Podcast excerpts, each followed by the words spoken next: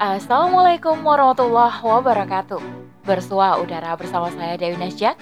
Kali ini dalam rubrik Syiah dengan judul Poligami, perkara mubah namun berfaedah oleh Yuli Juharini. Sesungguhnya, poligami yang sesuai dengan syariat Islam adalah dapat memperbanyak keturunan dengan nasab yang jelas. Rasulullah Shallallahu Alaihi Wasallam sangat senang dengan umatnya yang banyak. Di samping itu, poligami yang sesuai dengan syariat dapat meningkatkan ibadah karena pernikahan itu merupakan ibadah serta dapat meluaskan ladang dakwah. Selengkapnya, tetap di podcast Narasi Pos Media. Narasi Pos, cerdas dalam literasi media, bijak menangkap peristiwa kunci. Allah SWT menciptakan manusia di bumi dengan seperangkat aturan yang jelas. Sesungguhnya, aturan itu untuk kebaikan manusia sendiri. Walaupun kadang manusia tidak menyadarinya. Kebanyakan manusia tidak sadar bahwa Allah SWT membuat peraturan itu karena sayang sama makhluk ciptaannya. Ada pahala bila selalu taat mengikuti peraturan yang Allah buat. Demikian pula sebaliknya, ada dosa dari setiap pelanggaran yang manusia lakukan. Semua ada konsekuensinya. Seperti yang terjadi di kota Bandung, di mana publik dikejutkan dengan sebuah berita kasus HIV/AIDS yang meningkat tajam. Komisi Penanggulangan AIDS atau KPA Bandung melaporkan bahwa kebanyakan penderita HIV/AIDS adalah mahasiswa, ibu rumah tangga, dan kalangan pekerja swasta dengan usia produktif. Menurut Ketua Sekretariat KPA Kota Bandung, Sis Sylvia Dewi, ibu rumah tangga memiliki kasus yang lebih tinggi dibandingkan dengan mahasiswa. Kasus ibu rumah tangga mencapai 11,8 persen atau setara dengan 653 kasus, sedangkan mahasiswa yang positif mencapai 6,97 persen atau setara dengan 414 kasus. Sementara itu, urutan tertinggi penderita HIV/AIDS adalah dari kalangan pegawai swasta dengan total 31,01 persen atau setara dengan 1.842 kasus.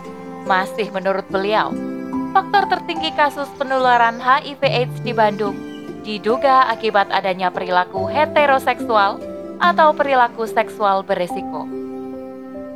Menanggapi kasus yang terjadi di Bandung, Wakil Gubernur Jawa Barat UU Ruzalul Ulum mengatakan bahwa solusi untuk mencegah penyebaran penyakit HIV/AIDS di Jawa Barat adalah melalui pernikahan dan poligami. Menurutnya, dengan menikah dan poligami akan menjauhkan diri dari perbuatan zina. Wakil Gubernur Jabar tersebut mengatakan bahwa perzinaan akan membawa banyak mudarat, mulai dari penyakit kelamin menular hingga paling parah terjangkit penyakit HIV/AIDS. Apakah poligami bisa menyelesaikan masalah? Pada dasarnya, perempuan di seluruh dunia menginginkan suami hanya untuk dirinya sendiri. Kebanyakan perempuan tidak rela jika suaminya menikah lagi. Padahal Allah SWT membolehkan hal itu.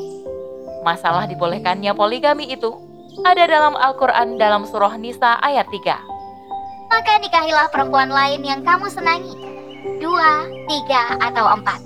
Tetapi, jika kamu khawatir tidak akan berlaku adil, maka nikahilah seorang saja.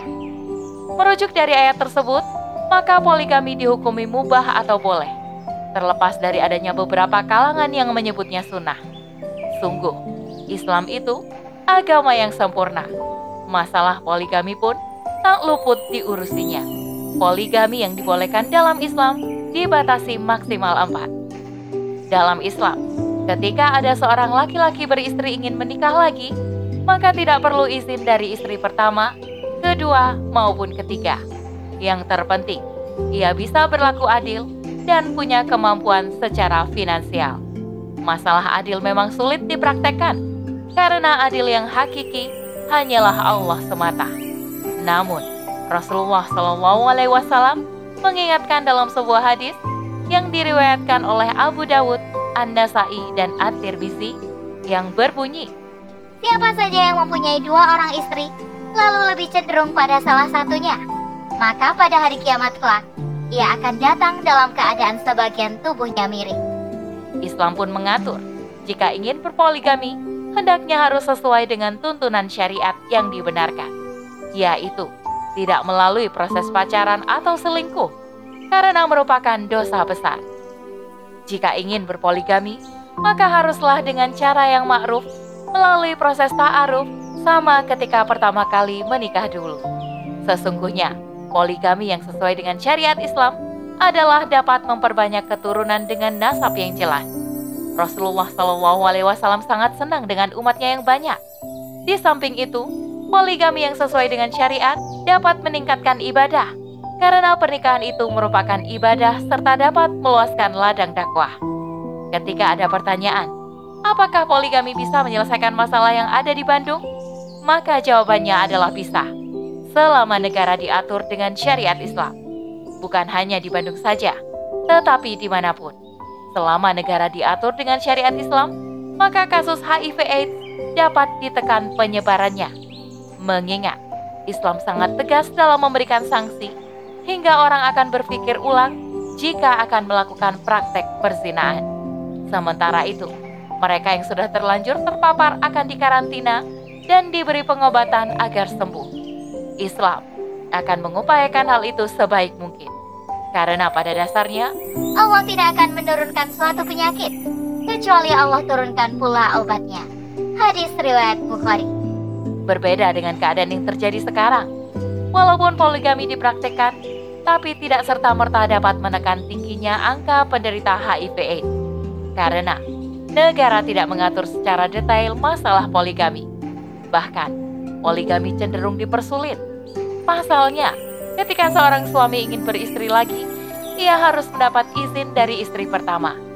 Jika istri pertama tidak mengizinkan, tapi tetap dilakukan, maka istri bisa melaporkan tindakan suami ke aparat hukum yang berwenang berdasarkan pasal 279 KUHP. Karenanya, si suami dapat diancam pidana penjara paling lama lima tahun. Akibatnya, banyak yang melakukan praktek poligami secara sembunyi-sembunyi. Pernikahannya terjadi di bawah tangan alias nikah siri, karena negara tidak melegalkannya. Selain itu, banyak para suami yang melakukan praktek poligami dengan didahului aktivitas selingkuh. Dengan kondisi seperti itu, maka poligami yang sesungguhnya perkara baik yang Allah bolehkan akan menjadi menakutkan bagi perempuan. Selain itu, tidak menutup kemungkinan bahwa laki-laki yang berpoligami pun bisa terpapar jika suka jajan. Suami semacam ini akhirnya malah menularkan penyakit itu pada istrinya. Mengharap penyebaran penyakit HIV/AIDS dapat ditekan dengan poligami adalah hal yang sangat mustahil jika negara malah membuka lebar pintu untuk paham kebebasan di segala lini.